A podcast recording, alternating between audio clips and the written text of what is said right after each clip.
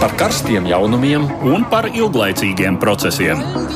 Par idejām, par cilvēkiem, par naudu un par laiku. Par abām mūsu planētas puslodēm, un lietojot abas smadzeņu puslodes. Ēterā raidījums divas puslodes. Edvards Liniņš un Aits Tomsons saka jums labdien! Klāt laiks iknedēļas starptautisko notikumu analīzei. Tuvākajā stundā mūsu uzmanības lokā būs notiekošais Eiropā un it īpaši Ukrainā. Un varam iedalīt mūsu sarunu trīs daļās. Pirmkārt, jā, ar interesi sekojam ziņām no Ukrainas. Šķiet, ka dienvidos Ukraiņu karaspēks ir uzsācis pretuzbrukumu, mēģinot atkarot Hersonu. Hersona ir vienīgais rajona centrs, kas līdz šim ir nonācis Krievijas rokās jau neilgi pēc iebrukuma sākuma. Galvenais jautājums, vai un kā Ukraiņi varētu piespiest Krievu karaspēku atkāpties? Tajā pašā debesu pusē ir arī nu jau slavenā Zaporižģis atomelektrostacija, kuru kontrolē Krievi un kas tiek tiekot izmantot kā vairogs karā. Tā iespējamā kodola katastrofa daudzus uztrauc. Uz spēkstaciju devusies Startautiskās atomenerģijas aģentūras delegācija. Līdz šim nesekmīgi ir piedāvāti dažādi risinājumi, kā izvairīties no pat iespējams milzīgas traģēdijas. Un vēl pievērsīsim uzmanību Vācijas kanclera Olafa Šolca teiktajam, uzstājoties Kārļa Universitātē Prāgā. Viņš paziņoja, ka būtu atbalstāma paplašināšanās Eiropas Savienībā, dodot iespēju pievienoties gan Rietumbalkānu valstīm, gan Ukrainai, Grūzijai un Moldovai. Taču tas būtu darāms līdz ar Savienības reorganizāciju. Piemēram, būtu jāatsakās no vienbalsības lēmuma pieņemšanā Eiropas padomē. Kā vienmēr, kopā ar mums notiekošo analizēs uzaicinātie eksperti. Gribam daudz izrunāt, tāpēc arī nekavējamies ķeramies pie pirmā temata - notiekošais Ukraiņas frontē. Ziņas, kas pirmdien sāka pienākt no kara darbības zonas Ukrainas dienvidos, liecina, ka Ukrainas spēki sākuši uzbrukuma operāciju nolūkā atbrīvot no Krievijas okupācijas teritoriju Dņepras labajā krastā līdz ar Helsinas pilsētu. Ukrainas aizsardzības spēku dienvidi apvienotā preses centra pārstāve Natālija Gumeņuka paziņoja, ka uzsākts uzbrukums vairākos virzienos, tā skaitā pie Helsonas. Viņa arī izteicās, ka sekmīgai kaujas operācijai nepieciešams klusums, ar ko jāsaprot medijiem sniedzamās informācijas strikta ierobežošana. Savukārt publikācijās Ukraiņas bruņoto spēku operatīvā grupējuma Kahovka sociālajos tīklos ziņots, ka Ukrāņu spēki pārāvuši pretinieka pirmo aizsardzības līniju, piespiežot atkāpties tā saucamo Doņetskas Tautas Republikas spēku 109. pulku un to atbalstošo Krievijas desantnieku vienību. Turpat redzams video, kurā kāds aizelsies personāžs armijas ķiverē, lietojot vulgāru krievu leksiku, pauž, ka Ukraiņi laiduši darbā tankus, aviāciju un artilēriju, un arī pārāvuši pirmo aizsardzības līniju. Medijos parādījušās ziņas arī par vairāku apdzīvotu vietu atbrīvošanu, taču oficiāla apstiprinājuma šai informācijai joprojām nav. Krievijas puse savukārt jau paziņoja, ka Ukraiņas spēki esot cietuši smagus zaudējumus un to uzbrukums esot pilnīgi izgāzies. Ukraiņas spēku uzbrukums ar mērķi atbrīvot Hersonu tika gaidīts jau vairākus mēnešus. Tieši šeit Ukraiņas spēki pēdējās nedēļās koncentrējuši no rietumiem saņemtās kaujas raķešu iekārtas Himars, dodot triecienus munīcijas noliktavām un komandantu punktiem Krievijas spēka aizmugurē, kā arī tiltiem, pa kuriem pāri Dņeprai var piegādāt papildus spēkus un kara materiālus Krievijas armijas grupējumam pie Helsonas. Helsona ir vienīgais Ukrainas apgabala centrs, kuru Krievijas spēkiem izdevies sagrābt kopš kara sākuma, un tā zaudēšana daudzuprāt būtu ļoti smags trieciens Vladimira Putina un viņa režīma prestižam. Tāpat tas laupītu Krievijai iespēju īstenot kādas referendumam līdzīgas aktivitātes, pēc tam anektējot Ukrainas dienvidus Krievijas federācijā pēc līdzīgas schēmas kā Krimu 2014. gadā. Studijā visu šo stundu būs Austrumēropas politikas pētījuma centra pētnieks Mārcis Balodis. Labdien! Labdien! Savukārt caur Zoom šobrīd mums ir pievienojies Nacionālo bruņoto spēku kontrolas dienas priekšnieks, bijušais aizsardzības atšējs arī Ukrainā, pulkvedis Ēriks Naglis. Labdien jums! Labdien! Ukraiņas mediji notiekošo pie Helsinas dēvē par tādu izšķirošu mēģinājumu panākt lūzumu karā. Tas tā varētu, tā to varētu nodēvēt, Nagaļkungs. Um, es pagaidām vēl nesteigtos ar šādu secinājumu. Um, tas, kas šobrīd sākās, nu, es to saukšu par iespējams Helsinas apgabala atbrīvošanas operāciju. Operāciju, par kuru Ukraina jau runāja vairākas nedēļas iepriekš, un prezidents Zelenskis to bija oficiāli paziņ, paziņojis atklātā veidā ar masu mēdījiem, bet nu, izskatās, ka šobrīd tas brīdis ir pienācis, un Ukrainas spēki, Ukrainas armija Helsinas apgabalā uzsāka nu, diezgan plašā teritorijā šo uzbrukumu, jeb personas apgabala atbrīvošanas operāciju. Un, man personīgi šobrīd izskatās, ka šī operācija tika, tika gatavota, tika dots laiks Ukrainas armijai rūpīgi tam sagatavoties. Par to liecina tie notikumi, kuri norisinājās gan pašā Helsonas apgabalā, gan arī Krimas pussalā. Tad, es šo domāju Krievijas apgādes līniju traucēšana, apšaudes tiltu iznīcināšana, noliktavu iznīcināšana, kur ir munīcija, kas nepieciešama Krievijas spēkiem, un, un, un vēl dažas citas lietas. Nedaudz ir jānogaida, kā tad šis uzbrukums veiksies tālāk un attīstīsies. Nu, pirmais, pirmais tāds nozīmīgais, nozīmīga robeža, kuru Ukrainas armijai būtu šajā uzbrukumā jāsasniedz, protams, ir, ir Dņepras upe. Ņemtas upes labais krasts. Un šis ir viens dabīgais šķērslis, kas, protams, šobrīd dēļ sabumbotiem tiltiem, iznīcinātiem apgrūtina gan Krievijas karaspēka apgādi, bet tas būs šķērslis arī pašai Ukrainas armijai turpināt un attīstīt šo, šo uzbrukumu tālāk, jā, jo, jo, jo pārceltos un tilti ir sabumbardēti, arī Ukrainas armijai būs jādomā, kā šķērsot šo upi ar saviem spēkiem un jauno šķērsojot upi turpināt at, at, atbrīvot Hersonu. Tad, pagaidām, jā, tas ir sācies, bet vēl ir nedaudz jānogaida un jāpaskatās, kā šis uzbrukums sekmēsies turpmāk. Droši vien te tagad jāprasa, varbūt arī jums vizualizēt mazliet manā prātā to geogrāfisko ainu, kur tad tā ņepra, ko viņa nodala. Tu vari pateikt, Eduard, kā tas izskatās? Vari, nevar? Kurš? No ņepra, ņepra, kā zināms, plūst no ziemeļiem uz dienvidiem. Jā. Un faktiski pārdala Ukrainu divās daļās. Jā. Jau vēsturiski Ukraina ir tikusi dēvēta par labā krasta Ukrainu un kreisā krasta Ukrainu, kur kreisā krasta Ukraina salīdzinoši ātrāk nonāca Krievijas varā jau mm. 17. gadsimtā, un labā krasta Ukraina kādus simts gadus, apmēram nu, simts no, gadus. Cēlās, tur pašlaik man neinteresē. jā, nu, un Ņepra ir ļoti liela ūdeņiem bagāta upe, pie kam tur ir daudz ūdens krātuvi. Bet pie Helsonas, bet pie Helsonas tā pilsēta atrodas kurā krastā? Pilsēta atrodas upes ziemeļkrastā. Ziemeļkrastā. Tas ir nu, tajā teritorijā, kuru Ukraina šobrīd mēģina atbrīvot. Jā. Bet atrodas pie pašas upes. Nu, šķiet, ka pilsētas lielākā daļa, iespējams, es varu tagad kļūdīties, varbūt, varbūt kaut Jā. kāda. Varat uzzīmēt man mazliet ainu, jo jūs teicāt, tad, tad Nagaļkungs, ka nu, mums viņiem svarīgi nonākt līdz krastam, pēc tam pašiem tikt pāri pilsēta, kurā pusē atrodas, tā lai klausītājs saprot, ko mēs runājam. Nu, šeit pareizi tika minēts, pilsētas lielākā daļa atrodas upes labajā krastā. Tātad, nu, tā ir tā teritorija, līdz, līdz kurai Ukrainas um, bruņotajiem spēkiem šobrīd droši vien ir mērķis uh, nonākt.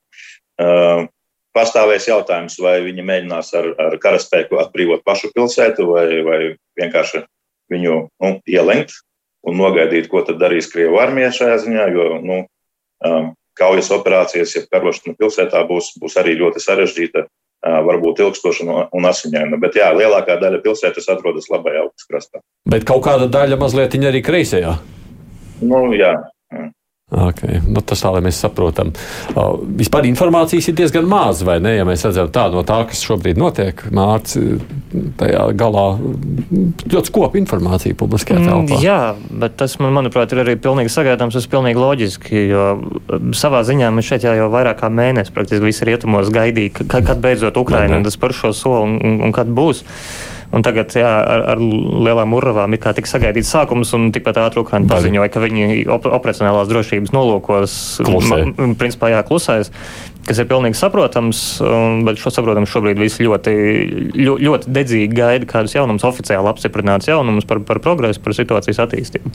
Bet mediji arī interesanti, ne? Man liekas, mediji varētu ziņot, bet arī Ukraiņas mediji neko nesaka. Nu, Ukrainas medijiem ir no valdības, no bruņoto spēku vadības puses ieteikts arī nespekulēt, uh, neizteikt nepārbaudītas, pārsteidzīgas versijas un tā tālāk.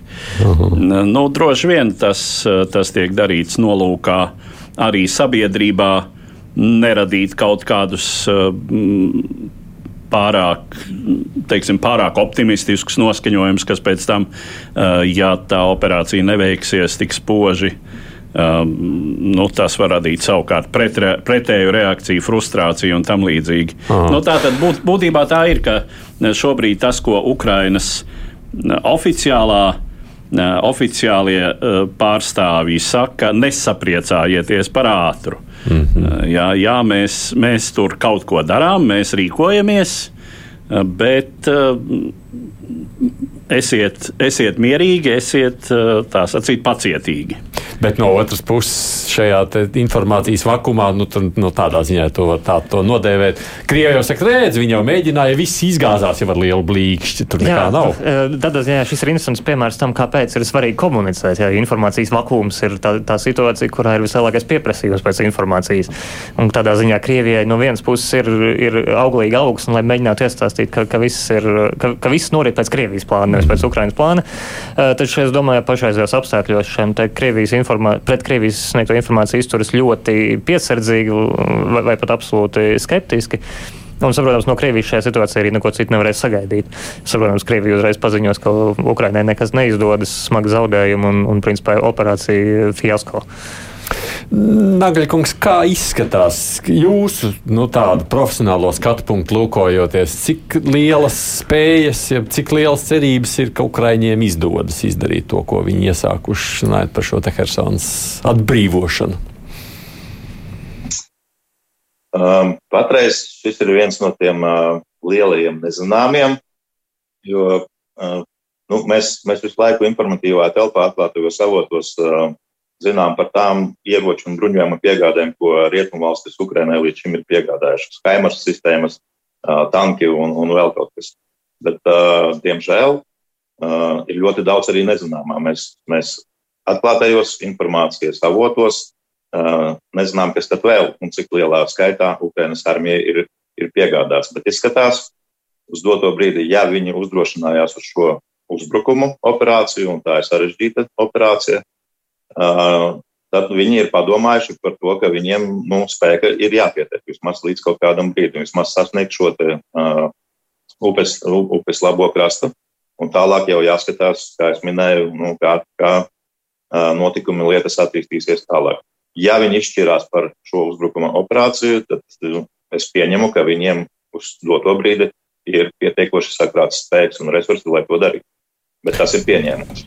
Nu jā, protams, bet vispār izstāstīt līdz šim tādos pieņēmumos, jau diezgan saprātīgi, vai ne? Liekas, ir šim reaģējuši, nav skrējuši un strābuši putru karstu. Jā, ir divas. Uh, divas lietas, ko par ukrāņu taktiku var teikt. Pirmkārt, ukrāņi saudzīgāk izturas pret saviem karavīriem, pret savu dzīvo spēku. Daudz, nu, teiksim, humānāk vai cik nu, cik nu tas kara apstākļos, respektīvi, jā, saudzīgāk, taupīgāk. Tas ir pirmkārt. Otrakārt, protams, Ukrāņi nevar atļauties lietot artēriju, raķetes tādā veidā, kā to dara Krievija. Ukrāņiem ir jāsaudzē arī sava zeme, civiliedzīvotāja infrastruktūra. Nu, tas ir saprotams. Tas viņu darbību zināmā mērā ierobežo salīdzinot ar Krieviju, kas atļaujas tur rīkoties barbariski. Barbariski tieši tā, jā. jā.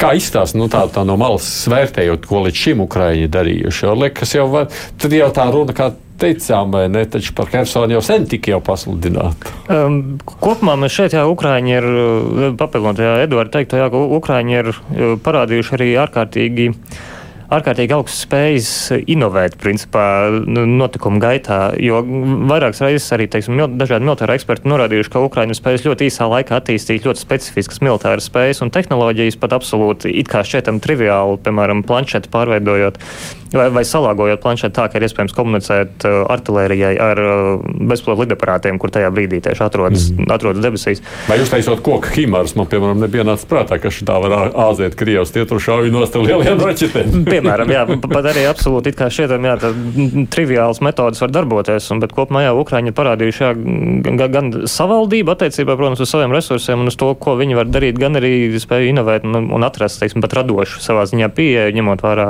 Krievijas skaitlisko pārspēku. Mm. Bet tas, kas mani mulsināja tajā visā, es domāju, nu, no vienas puses taču baigi tā, nu, tiešām neafišē, ko tu darīsi. Nu, tas klusuma brīdis liekas saprotams, vai ne? Tas, ko saka paši Ukraiņi.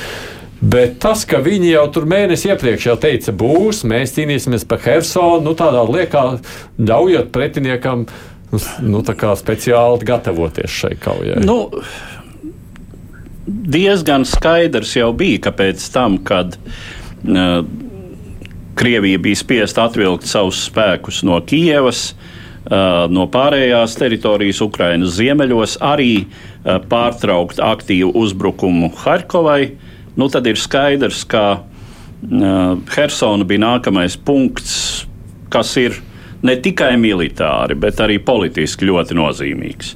Nevelti runa par to, kur varētu notikt referendums un vai referendums dienvidos vispār Nu, tas, ko Krievija mm, sauc jā, par jā, referendumu. Jā, jā. Jā, ir, ir jau diezgan skaidrs, ka tā būtu referenduma imitācija visdrīzāk iespējams pat bez uh, tīri fiziskas komponentes. Uh, tāds tīri virtuāls, mm -hmm. tīri virtuāls gājiens, bet, ja Hersona vairs nebūs Krievijas kontrolē, tad arī šādam gājienam vairs nebūs īpašas jēgas. Nagļkungs, Krievu spēja to visu atturēt vai atvairīt. Un te mm, kaut kā pieminētais nu, Ukraiņas faktiski aicinājums gatavoties Krieviem šādu veidu uzbrukumam. Uh, jā, nu mani kā militāra persona tas arī nedaudz uh, izbrīnīja un pārsteidza, ka Ukraiņi tā diezgan atklāti par, par to saka, bet uh, iespējams, ka uh, Krievijas modrība nedaudz tika, tika iemidzināta, jo pēc pēc tam, kad prezidents Zelenskis paziņoja, ka Helsonas atbrīvošana notiks ar militāru spēku. Un gatavojoties it kā, bet nu, mēs redzam, ka mēnesis gandrīz nekas nenotika. Tas varbūt nedaudz varētu iemidzināt. Bet, jā, Helsonas, kāpēc tieši Helsonas apgabals un šī operācija tur sākās nevis, teiksim, Ukrainas austrumu, austrumos, jā, Luhanskas un Doņetskas apgabalos. Es, jā, es piekrītu, tur ir, tur ir šie politiskie aspekti. Tātad gatavotais referendums. Tas ir viens. Mēs zinām, ka Krievija ļoti aktīvi un intensīvi sāka dalīt Krievijas pasis, tātad nu, pārveidot Ukraiņu, Ukraiņus par Krievijas pilsoņiem. Tas ir divi, bet Helsonas apgabals, manuprāt, ir tieši kā pirmais šis mērķis atbrīvošanai ir izvēlēts arī no tā aspekta, ka Krievijas, Krievija ir grūtāk viņu apgādāt. Jā, viņš ir, viņš, ja jūs atbrīvojat Helsonas apgabalu, tad vienīgā iespēja, kā, kā um, dabūt papildus spēkus to pašu munīciju Krievu armijai, ir tikai caur Krimu. Jā, tas prasa laiku, tās ir distances, un Austrumukrainā tas ir vieglāk, jo Austrumukraina robežojas ar Krieviju. Tātad šos, šos spēkus, šīs rezerves Krievijai ir daudz ātrāk un vienkāršāk piegādāt. Uz Hersonu tas būs daudz sarežģītāk. Un uh, trešais, šis ir ļoti, ļoti svarīgs. Uh, morālais impulss gan, gan Ukrainas armijai pašai, jo tomēr nu, uzbrukt karavīriem vienmēr ir saka, morāli, morāli pateicīgāk nekā aizstāvēties, nu, cik ilgi var. Un tāpat visai Ukrainai, Ukrainas tautai. Ja. Nu, beidzot, mēs redzam, ka mūsu armija ne tikai aizstāvas, bet spējīga dot pretriecienu un, un sākt atbrīvot mūsu teritorijas. Tas no morālā viedokļa būs liels pacēlums armijai un tautai kā tādai. Tas, tas arī ļoti svarīgs faktors. Un tā kā Krievija atbildes spēja, nu, ko viņi var nu, vairāk mēģināt savukārt spiest uz citām frontes līnijām, šādā veidā radot sajukumu vai, vai grūtības Ukraiņiem? Um, nu, Par šo laiku mēs redzējām, ka Krievi diezgan aktīvi arī pārvietoja savu karaspēku tieši uz Ukrainas dienvidiem, uz Helsonas un Zaparižas apgabaliem. Pēc dažādiem datiem tur ir nu, nedaudz vairāk kā 20 tūkstoši Krievijas karavīri uz doto brīdi atrodas.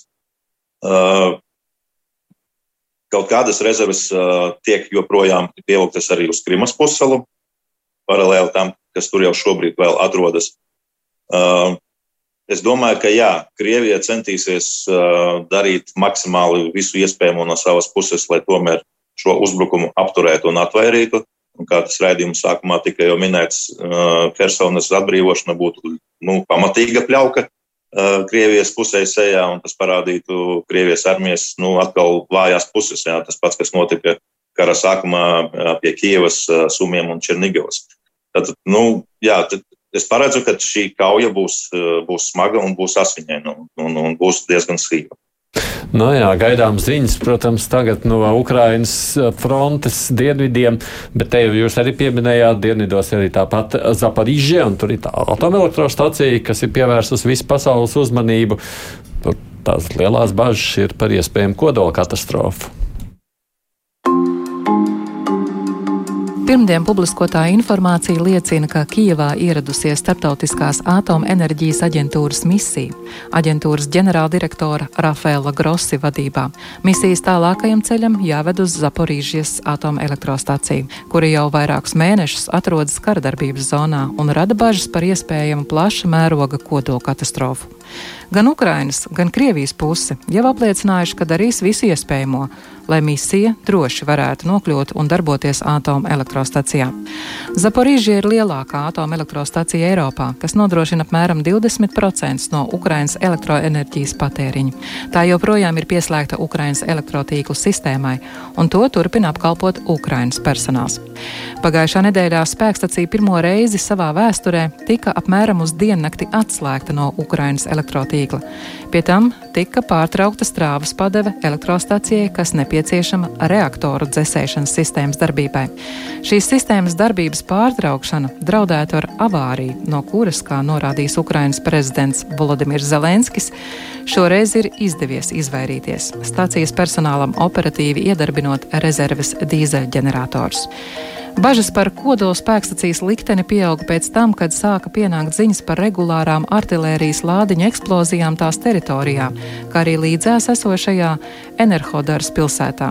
Krievija un Ukraina vainošais apšaudēs viena otru. Pie tam Ukraina norāda, ka Krievija lieto elektrostacijas teritoriju militāriem mērķiem, izvietojot tur kara tehniku un munīciju un veic apšaudas, lai ar iespējamo kodola katastrofu iebiedētu starptautisko sabiedrību.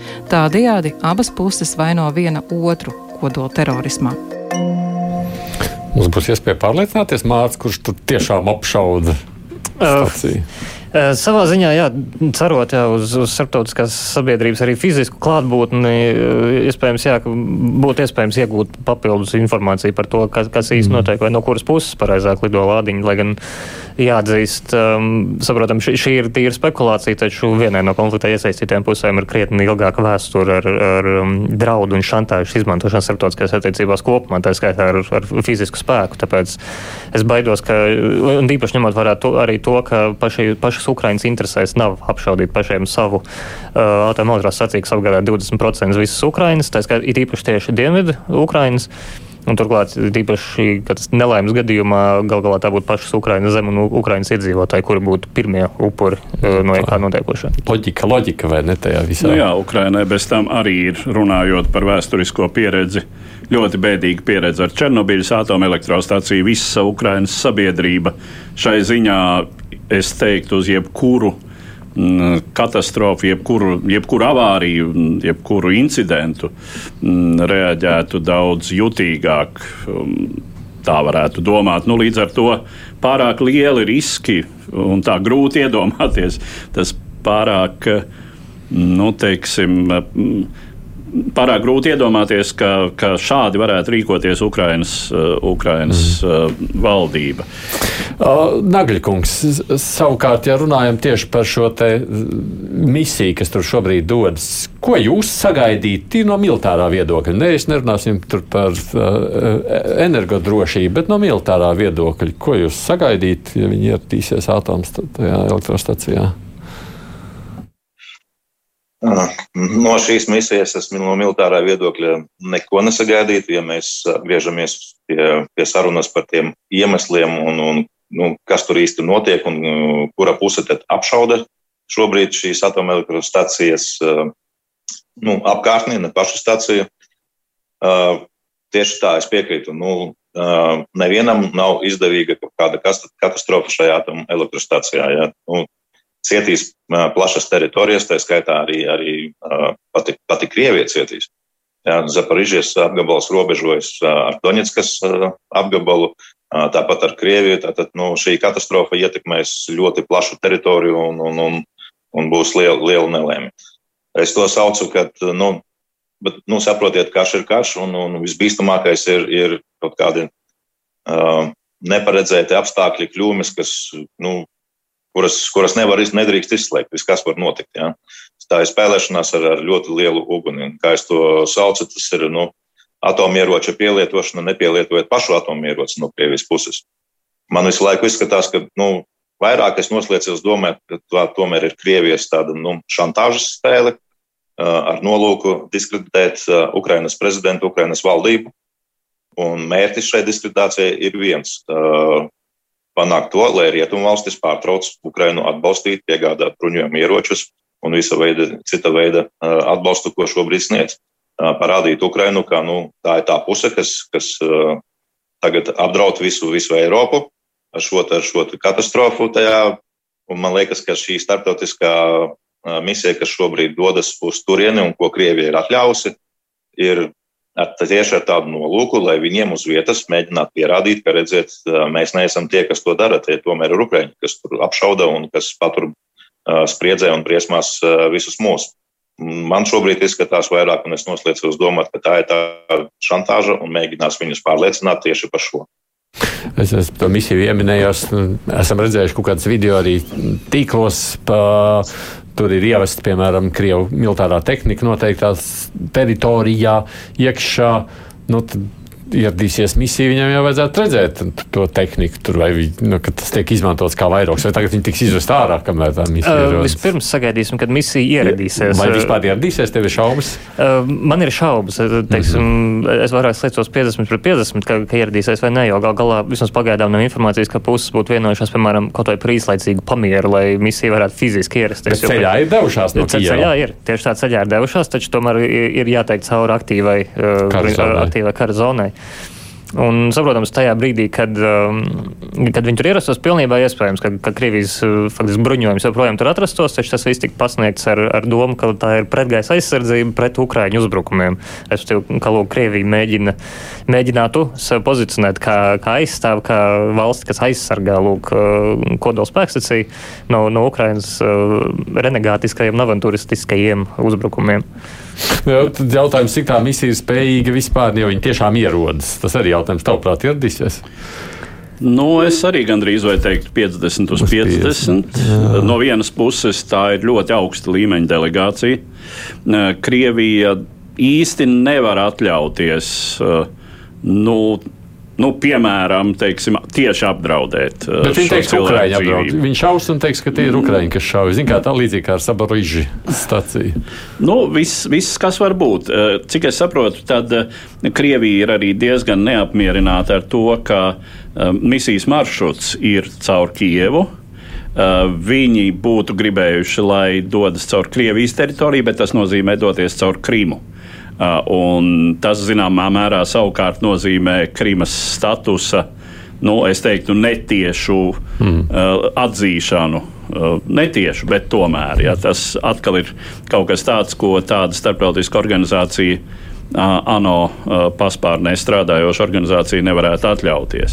Nu, attiecīgi, visādi var būt. It kā ir iezīmēts šis maršruta koridors, pa kuru misijai būtu jādodas. Attiecīgajā virzienā. Uh, bet uh, nu, par, tur, par to arī ir informācija, kas šķiet vēl vakar. Uh, šis koridors ir ticis no Krievijas puses apšaudīts, un Ukraina atkal ir izteikusi šaubas par to, vai Krievija vispār grib pielaist šo delegāciju. Mm atomelektrostacijā, vai arī nu, teiksim, turpinās kaut kādas manipulācijas. Jebkurā gadījumā ir skaidrs, ka šobrīd Ukraina pilnīgi noteikti ir krietni lielākā ieinteresētībā redzēt delegāciju tur nekā Krievija, bet uh, tas, kas parādās tādās um, no, publiskajā telpā, arī rietumu medijos sakot, nu, ka tur tā jēga vai tā cerība būtu, ja tur varētu izveidot pastāvīgu kaut kādu, nu, nezinu, misiju novērošanas punktu. Uh, tas Par to ir jēgas vispār runāt, Nagļkungs. Es domāju, ka šobrīd tas būtu nereāli. Jo? Nu, viss atkarīgs no, no Krievijas labās gribas, un mēs zinām, ka no to gribu ir tā, ka uh, viņi to izmanto savā labā. Un uh, diez vai, ka šādas pastāvīgās starptautiskās uh, misijas uzturēšanās šajā atomelektrostacijā nāk, nāk viņiem par labu. Es nedomāju. Vai ne? Līdz ar to nekādas cerības uz to lielas nav. Uz pastāvīgu misiju diez vai. Jā, jo tad, nu, tad jau būtībā būtu jārunā par tās teritorijas demilitarizāciju. Tur bez maz vai jāieved zilās ķiveres kas patiešām nav reāls scenārijs. Realtāte jau starptautiski, starptautiski jau laikam kaut kas tiek piedāvāts šādā ziņā, mēģināt izveidot tādu neitrālu zonu. Jā, piedāvājumu ir daudz, gan amerikāņi, arī Eiropas Savienība piedāvājas demilitarizēt visu šo te teritoriju, bet gal galā tas viss balstās uz, uz iesaistīto pušu ieinteresētību. Uh, Piekrist šādam risinājumam, un vienlaikus es tomēr, zināmā mērā, arī atgriežos pie tās diskusijas, kas bija aktīva vēl teiksim, šī gada februārī, piemēram, par NATO, NATO fizisku iesaistu, piemēram, gaisa telpas uh, slēgšanā virs Ukrainas kas arī pirmkārt iesaistīts, kas jau ir arī politisks lēmums, un īpaši turklāt ir jārēķinās ar to, piemēram, pat ja tiktu, piemēram, ievests zilās ķiveres uh, automobilstacijā ja teiksim, notiek apšaude vai pēkšņi tiek apšaudīta atomotrostacijas, tas nozīmē, ka zilajām ķiverēm ir tiesības pašām sev aizstāvēt. Tas nozīmē, ka šeit jau, jau rietumvalsts spēki varētu faktiski nonākt konfrontācijā tiešā ar, piemēram, Krievijas spēkiem. Nu, zilās ķiveres visdrīzāk tās būtu neitrāla valsts. Nē, saprotams, jā. Bet, nu, nu jā, nu, mēs te tagad nu, runājam būtībā par, par ne, nereālu lietu. Kaut ne? ko, jā, kas varētu citā realitātē notikt. Starp citu var piebilst, ka šai delegācijā kā atzīmē šķiet New York Times, nav ne Savienoto valstu, ne Lielbritānijas pārstāvju. Un, Kas tur ir vispār? Pilnu sastāvu sarakstu es Nezinu, neatradu, bet kas, manuprāt, viņi, tas arī nav īsti atklāts. Jā. Bet nu, ir esot tā, ka pēc iespējas šie, šie pārstāvi ir neitrāli cilvēki kas sen strādā šajā struktūrā. Pats vadītājs ir argentīniešu diplomāts. Gross. Mm. Ir jau tā, vai ne, no tāda militārā viedokļa, Nagaļkungs, pabeidzot šo sarunu ar jums, um, Krievijai ir ērts tāds militārais vairoks kā atomelektrostacija, kuru, protams, Ukraiņi arī nevar apšaudīt. Nu, teiksim tā, no, no militārā viedokļa skatīties, jā, šis, nu, šobrīd šis ir, ir vienkārši viens liels tāds šantāžas instruments, ko Krievija izmanto savā labā. Uh, Krievija savu karaspēku atvilks no šīs, no turienes tikai tad, kad viņi jutīs, ka draud ielenkums. Ja šī Ukrainas uzbrukuma operācija būs sekmīga, tad, uh, nu, jāskatās tas karaspēka grupējums Krievijas, kas šobrīd atrodas Zaporižas apgabalā, jā, viņu, viņu flanks un aizmugurē jau uzreiz tiek apdraudēti. Viņiem būs jādomā, ko ar to visu darīt. Jā, tad, um, bet līdz tam brīdim, kamēr viņi jutīsies vēl drošībā, viņi šo atomelektrostaciju paturēs un sev, protams, un attiecīgi savu karaspēku tur, tur izvietos un, un turēs. Un tas ir šantāžas ierocis šobrīd, instruments. Mm.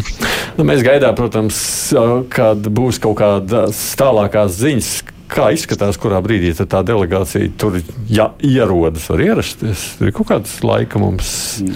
Tehniski tam būtu jānotiek vai šodien, vai rīt. Jā, vispār ziņās visu šo nedēļu. Nu, tas ir tāds stiepts iedziens. Jā, viņi paši esot uh, paziņojuši, ka ātrākais ir kā esot iespējams jau, jau rītdien, ka viņi varot, varot būt tur. Taču, saprotams, tas viss tiek, tiek minēts ar tādu krietnu devu optimismu un arī lielu daļu varbūtības. Tas viss, principā, lielā mērā ir atkarīgs no situācijas, principā, uz zemes. Jo tā ir tāda militārs, nu, tāds, tāds konvojs vienkārši, ja, kas dodas jā, pavadībā kaut kādā. Nu, acīm redzot, acīm jā. redzot jā. Tā tas izskatās. Gaidām ziņas, protams, arī no turienes. Tas skaidrs, ka arī šis nu, zemeslodes punkts būs tuvākās uzmanī, nedēļās uzmanības lokā. Par to šaubu nav.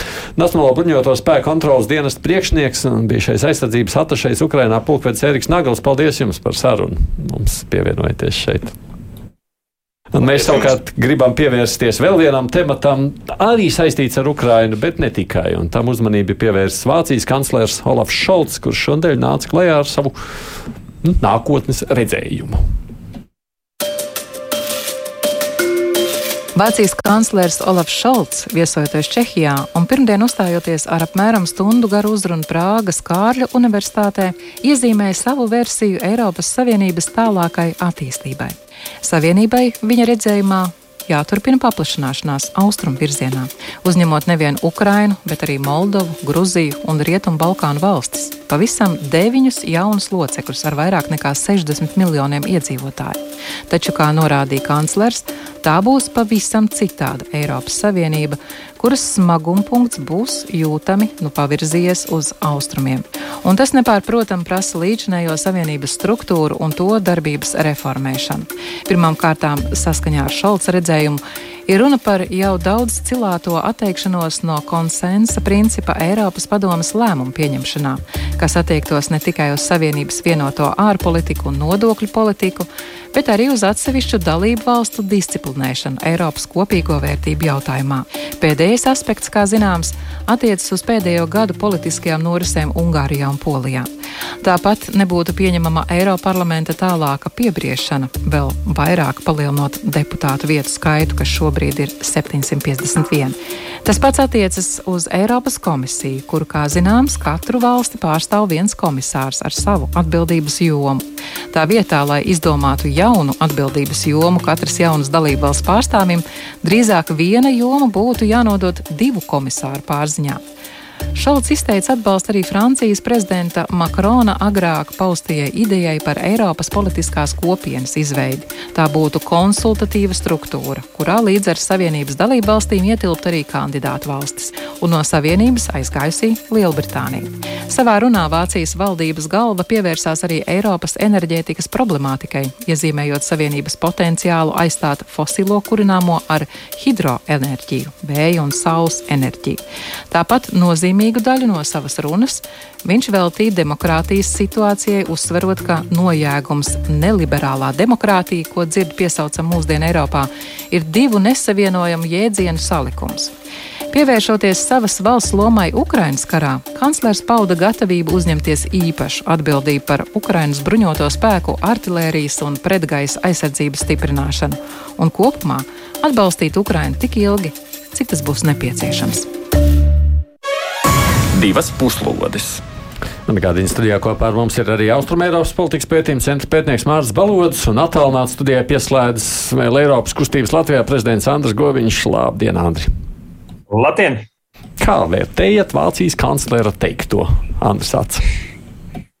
Um, vērtēju ļoti uzmanīgi, līdzīgi kā starptautiskie eksperti, ja lasām visas analīzes, jo jautājums ir pat, ja tas viss tiktu uh, domāts uh, patiesi un no sirds, ko viņš teica, tad jautājums par īstenošanu, jo vārdu un darbu sakritība, tā diplomātiski izsakoties, eh, pēdējos mēnešos ir ar ļoti lielu izaugsmas potenciālu. Respektīvi, tā sadarbība nav īpaši liela bijusi. Tieši par Šolcu runājot. Tieši tā, eh, nu, kad arī brīdī, kad Šolts Ukrānai sola vienu, notiek cits vai pēkšņi notiek kaut kas galīgi cits un dīvains, tātad šī sakritība un vārdu ticamība kā tāda nav tik augsta, kā viņi būtu varbūt tās pie citiem politiķiem. Tādējādi visi ļoti uzmanīgi jāvērtē tās idejas, kuras viņš ir izteicis. Protams, mēs Latvijā varam priecāties par paplašināšanos, kur arī Ukraina tiek pieminēta. Interesanti, ka viņš vēl joprojām tik ļoti akcentē Balkānu valstis, kur man liekas pēdējā pēdējo mēnešu un nu, nu, notikumi ir tādi, kur būtu jāšaubās, vai tas patiešām būtu gudri šāda šī paplašināšanās, tādā ignorējot pēdējo mēnešu šīs attīstības Balkānos.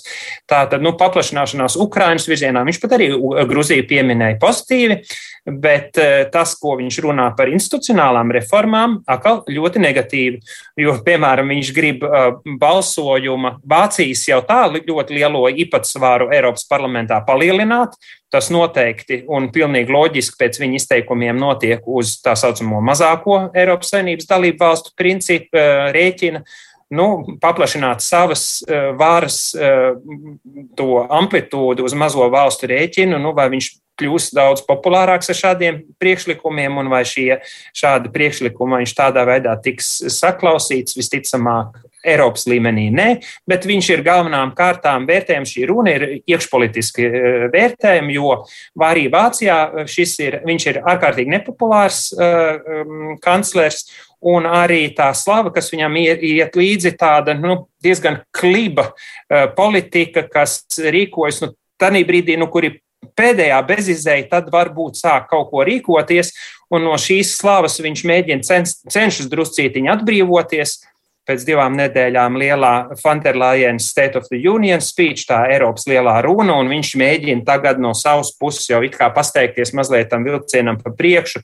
Nu, tad varēs pēc tam apgalvot, ka paskaties, šī ideja vai tā ideja, kas ir bijis Lājienas runā, tā ir, taču to pirmo es esmu izteicis. Nu, tādā ziņā uzpulēt iekšpolitiski savu e, reputāciju, ka redz, ka tomēr, nu, gluži tik klips varbūt tās viņš nav tomēr kaut ko e, Eiropas lietās, viņš tur mēģina virzīt, un eh, nu, parastais pilsonis jau tik smalki neatšķira, vai tās ir taktiska parunāšana, vai tas ir īsts konstruktīvs eh, priekšlikums, kas arī var iegūt vairākumu. Andrēs ļoti skeptisks, tavs sajūtas. Mm, ja skatāmies uz, uz retoriku, tad uh, bija atsevišķās vietās bija, bija ļoti labi akcenti salikt, piemēram, arī par to, ka ir nepieciešams uh, rast risinājums tam, kā pretdarboties Krievijai, kas uh, kaut ko saprotams šajos apstākļos ir patīkami redzēt, un arī, ja skatāmies plašākā kontekstā, vispār, ko, uh, kāda būs galvenā tieši Eiropas problēma ar Krieviju, būs Eiropai būs atkal jāatrod vai jāatceras, ko nozīmē būt līderiem ne tikai, piemēram, ekonomikas ziņā vai maigās varas ziņā, bet arī politiskā ziņā. Taču jā, man arī galvenās bažas ir par, par šo ideju sasaista realitāti. It īpaši, jā, ja runa ir par, par balsojumu sistēmas izmaiņām Eiropas Savienības iekšēnē, kas, kas mazām valstīm, es domāju, noteikti liks sausīties. Uh, un, nu, bet, ja ir 36 valsts, to vienprātību pavisam grūti jā, un, bet cits īpaši vēl Serbija paņemt. Uh, tieši tā, jā, bet cits starpā rodas vēl papildus jautājums arī par pašas savienības paplašanāšanos vai savienības iekšēnē. Tam ir, pēc tā ir pieprasījums, respektīvi, vai nogurums joprojām nepastāv tādā pakāpē, ka nav nozīmes par to, kura valsts vēlas pievienoties, ka šeit ir, ir prakti, praktiski šēršļi, lai, lai paplašinātu uh, visu savienību. Tāpēc galā arī man arī veido veidos priekšstats, ka tas Šalts vairāk ir tēmējis iekšpolitiskajā auditorijā, jo man šeit bild uh, publicēja socioloģijas datus, ka apmēram 25-26% Vācijas iedzīvotāji vērtē viņu koalīcijas darbu kā uh, apmierinošu vai vismaz atbalstu atbalst viņu koalīciju. Tāpēc es domāju, jā, šeit viņš arī mēģina skriet vilcienam nedaudz pa priekšu un, un mainīt savu, savu imidžu sabiedrībā. Kāda viss skeptiski? Tu tikpat, Edvards? Nu, Gan drīz vai Jā, tas nu, ir tāds labs, teikt, tas ir tāds labs jautājums, cik patiešām Olafs Šolca teiktais atspoguļo tendences vispār Eiropā un arī tendences Vācijā. Nu, kaut kas patiešām, gandrīz vai citējot, kancleru Šolcu ir mainījies kopš kara sākuma, šī lielā kara sākuma Ukrainā, ir mainījies Vācijas izjūtā par to, kāda ir tās vieta un loma, un teiksim, nu, par šo mainīto paradigmu uh, viņš jau arī vairāk kārt ir runājis. Uh, te jau vai pārsteidzoši varbūt uz līdzšinējā fona izskan šie izteikumi par gatavību, piemēram, uzņemties gādāt par atsevišķiem ieroču veidiem Ukraiņas armijai. Nu, paskatoties uz konkrētiem cipariem, pagaidām tur tiešām vēl ir, uh, ir kur augt. No otras puses, jā, nu, daudz loģiska ir tajā, ko viņš saka. Mm -hmm. nu, piemēram, ja mēs vispār domājam par to, ka Eiropas Savienība paplašinās Pagaidi! tā vai citādi, un tur ir, ir, protams, no vienas puses Serbija, kur ir grūti iedomāties Eiropas Savienībā. No otras puses, ir piemēram tāda valsts kā Ziemeļmaķedonija, kura, manuprāt, ir gana gatava tādai attīstībai. Nu, nerunājot par Ukrajinu, nu, jā, jā, kura, jā. Nu, kur sabiedrības lielākā daļa Uh, uzskata, ka tā būtu uzskatīta. Es domāju, ka tā būtu nodevība no Eiropas Savienības, ja Ukraina nesāktu reālu iestāšanās procesu. Um, nu, ja ne tūlīt, tad katrā ziņā tajā, tajā brīdī, kad tā būtu, jā, kad tā būtu jādomā uzvarējusi šai karā. Uh, tad, uh, nu, līdz ar to, protams, tas princips, jā, man jau Man jau labu laiku šķiet tā drusku, nu, drusku komiski tas, kā tika izdomātas šīs atbildības jomas atsevišķiem komisāriem. Uh, nu, lai tad katrai valstī būtu kaut kas, tiktu, kaut kas ja? Jā. Nu, cik, tad tur, cik tad tur tiešām var vēl, vēl dalīt un drupināt kaut kā. Um, Bet vispār pats par sevi, Andri, nu vai nav tā, ka kaut kāda mm, reorganizācija jau ir nepieciešama arī Eiropas Savienībai, jo viss jau iet smagnēji un neiet viegli ar lēmumu pieņemšanu? Jā un nē. Vienmēr ir bijuši e, Eiropas Savienībā grūti pieņemt lēmumus, bet vienmēr, tad, kad ir bijusi vajadzība, cilvēki ir saņēmušies un šos lēmumus ir pieņēmuši.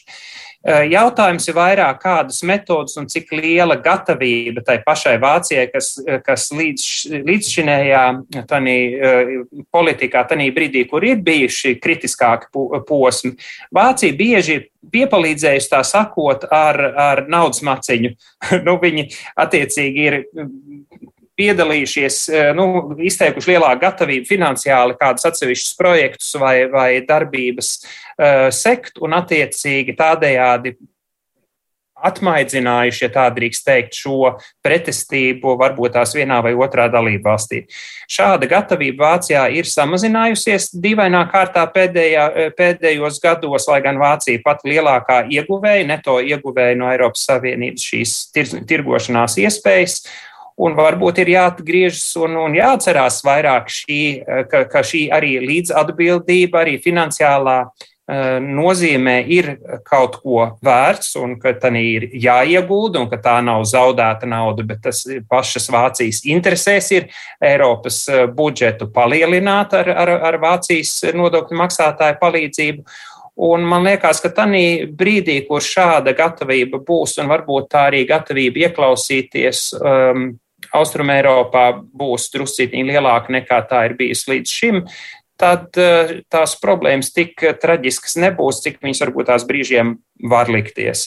Vienmēr šīs, eh, šīs eh, problēmas ir bijis iespējams atrisināt, un es ticu arī tam, ka tas būs tā nākotnē. Ar 30 cik tur valstīm, protams, ir jāskatās kaut kādā veidā, kā efektīvāk un, un kvalitatīvāk veidot šo procesu, bet, bet vai tas risinājums ir kādam eh, tādu šos eh, komisārus eh, kā dvīnīšus izveidot vai kādam nedod Dievs atņemt šo komisāru posteni. Tam atkal būs problēmas, ka referendumā ir jā, tas tiks no, nu, attiecīgi noraidīts un, un tam dēļ par to nemazām nav vērts īsti diskutēt. Tātad, nu, efektivitāti droši vien var atsevišķos punktos uzlabot, vai Šauca šī runā ietvertās, eh, apkopotās īstenībā, tās jau nebija īstenībā jaunas idejas, bet šīs apkopotās idejas būs tās, kas, kas šo, šo gaismu efektivitāti nesīs. Nu, redzēsim Češu Premjerministrs ļoti smuki atbildēja uz, uz, uz žurnālistu jautājumu pēc šauts runas. Viņam prasīja, nu, kāds ir viņa viedoklis. Viņš teica, ziniet, man nebija iespējas eh, detalizēti šo runu noklausīties. Ir ļoti svarīgas lietas gan Ukrainā, gan arī citur, kas šobrīd ir jārisina, un pie tām arī ir svarīgi šobrīd strādāt. Tādējādi savā ziņā arī dodot mājienu paša šaucu virzienā, ka nu, tomēr arī eh, nu, šīs visai Eiropai, visai pasaulē svarīgās tēmas drusku nopietnāk varbūt ir jāakcentē paša runā un aktīvā darbībā. Bet tas, nu, šī ideja, nezinu, tā, cik tā ir šobrīd aktuāla un cik citas varētu mācīt virzīt kaut ko nu, to pašu, jo, nu, kā jau teica Andris, tā jau nav nekāda jauna. Nē, ideja no. absolūti nav jauna. Es, es domāju, diskusija par šo jautājumu pēc būtības ir, ir pilnīgi vietā. Tur nav ko likt. Es saprotu, lai vai cik liela būtu, jo lielāka pat ir principā, sistēma, jo, jo lielāka iespēja, ka ir nepieciešams kaut ko optimizēt, ir lietas, ko uzlabot, saprotams. Uh, taču es domāju, jā, tas, tas Šolca piedāvājums, lai, lai gan satur vērtīgas domas un vērtīgas atziņas, Es domāju, šeit arī ir tik, tikpat daudz uh, atziņu, kuras drīzāk rada vēl vairāk jautājumu zīmju. Uh, piemēram, runājot par tiem pašiem komisāriem, ja, ja divi atbildēs par vienu, tad galā neviens nebūs par neko. Tā komisāri tas mazākais, bet tur, protams, Eiropas parlaments arī pat varētu būt tas mazākais, bet no, tur tas vienprātības princips, tas man liekas, viņš jau regulāri jau uzpeld arī tagad pie esošā skaita. Jā, vi, vispār vienprātība kā, kā balsošanas metode regulāri tiek, tiek apšaubīts, apstrīdēts un par to tiek diskutēts, bet, nu, tā ļoti ja mēs ļoti vienkāršojam, Latvijā kā mazai valstī vienprātības princips pat ir izdevīgāks nekā vienkārši vairākumu balsošana. Lai gan saprotams, ja atkāpjamies no vienprātības, tad zināmā mērā lēmumu pieņemšana var kļūt ātrāk vai vienkāršāk. Ja vienmēr kaut kāda tāda Ungārija vai Serbija, taču vienmēr uztraukti tajā sadaļā un kaut vai saka, nu vismaz vismaz trījiem jābūt kopā, tad var veto vai diviem. Vai, nu, es nezinu, ne, tā filozofija, protams, uz dūlo. Kā nu tur bija? Man tagad tas alternatīvais variants. Uh, šķiet, ka ar uh, kvalificēto vairākumu tas ir ar divu divu trešdaļu vairākumu varētu lemt. Nu, var jau uztaisīt ziņā, arī 80 daļas. Visādi nu, jau var uztaisīt, jā, ja ļoti nu, grib. To, uh, to es tagad, man, es saku, man nav prātā, kāds bija alternatīvais variants. Varbūt kaut ko gatavs, jā. Tad vienkārši daudzi balsojumi Eiropas Savienībā tiek pieņemti tā saucamo dubulto vairākumu. Arī šis dubultais vairākums ir ārkārtīgi izdevīgs Vācijai, jo no vienas puses ir tātad valstu pusi, nu, vairāk kā, kā, kā tur noteiktam um, šo valstu skaitam ir, ir jābūt par kādu priekšlikumu. Un otrais vairākuma daļa ir, ka noteikts iedzīvotāju skaits, kas tiek tātad reprezentēts šīs valstīs. Tātad nepietiek ar Luksemburgu, Maltu, nu, nosacīt tām mazākām valstīm, kas, kas nobalso, bet faktiski bez Vācijas vai bez Francijas ir nu, ārkārtīgi grūti pieņemt kādu lēmumu. Tādējādi Vācija no sava veto neatkāptos, Nu, es drusku vienkāršoju, ja? bet savukārt mums to veto tiesību atņemtu. Nu, vai tas ir godīgi, vai tas, tiks, vai tas izies cauri, nu, par to varam diskutēt. Manuprāt, tā ir tāda taktiska atkal spēlīta, ja mēs vācieši netiekam paši galā un, un, un varbūt pārāk skopi atsevišķos brīžos ar, ar, ar savu naudiņu rīkojamies.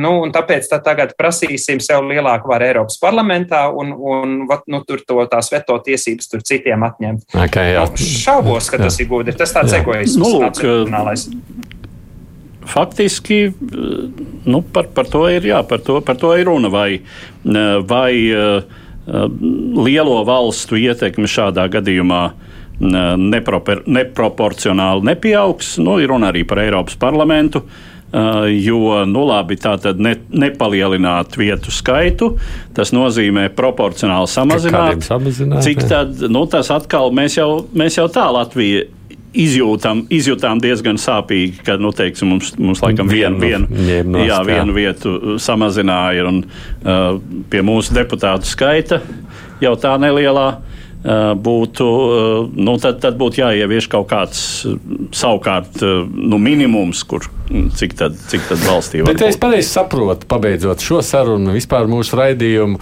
redz, te jau tās domas un idejas tiek virzītas un izteikts, bet tajā brīdī, kad būs par to jāvienojas, tur atkal vajadzēs vienprātību un izdosies vienoties, vai ne, apmēram tā. Un paliksim turpat. Nu jā, nu, ir kaut kāda argumentācija, kas šajā brīdī tiek iedarbināta. Nu, tad, eh, jā, par to, protams, ir visiem jāvienojas. Nu, tāds tas eh, Eiropas apvienotās Eiropas mehānisms ir, ka tas nevar būt vienkārši. Mm. Bet, nu, jebkurā gadījumā ir skaidrs, ka tad, kad beigsies tiešām karš, uz ko visvairāk cer, kas ir prioritāte numur viens, kā sacīja Nēnija Gobiņkungs. Tad jau iespējams tās sarunas par šo tematu nu, nāksies uzturēt un runāt arī Eiropas Savienībā. Paldies jums! Eiropas kustības Latvijā prezidents Andris Gobiņš bija pieslēdzies mums attālināt. Paldies, Andri! Paldies! Tāpat tās Austrumēropas politikas pētījuma centra pētnieks Mārcis Balods bija atļāvies atnākt uz radio. Paldies par atnākšanu. Paldies. Mēs šeit studijā bijām Edvards Liniņš un Aits Tomsons. Producē raidījumu, kā parasti tevi jūnām. Mēs tiekamies atkal pēc nedēļas. Nu, kā vienmēr lūkosim, kas nākamo dienu laikā būs noticis abās divās zemes puslodēs. Divas puslodes!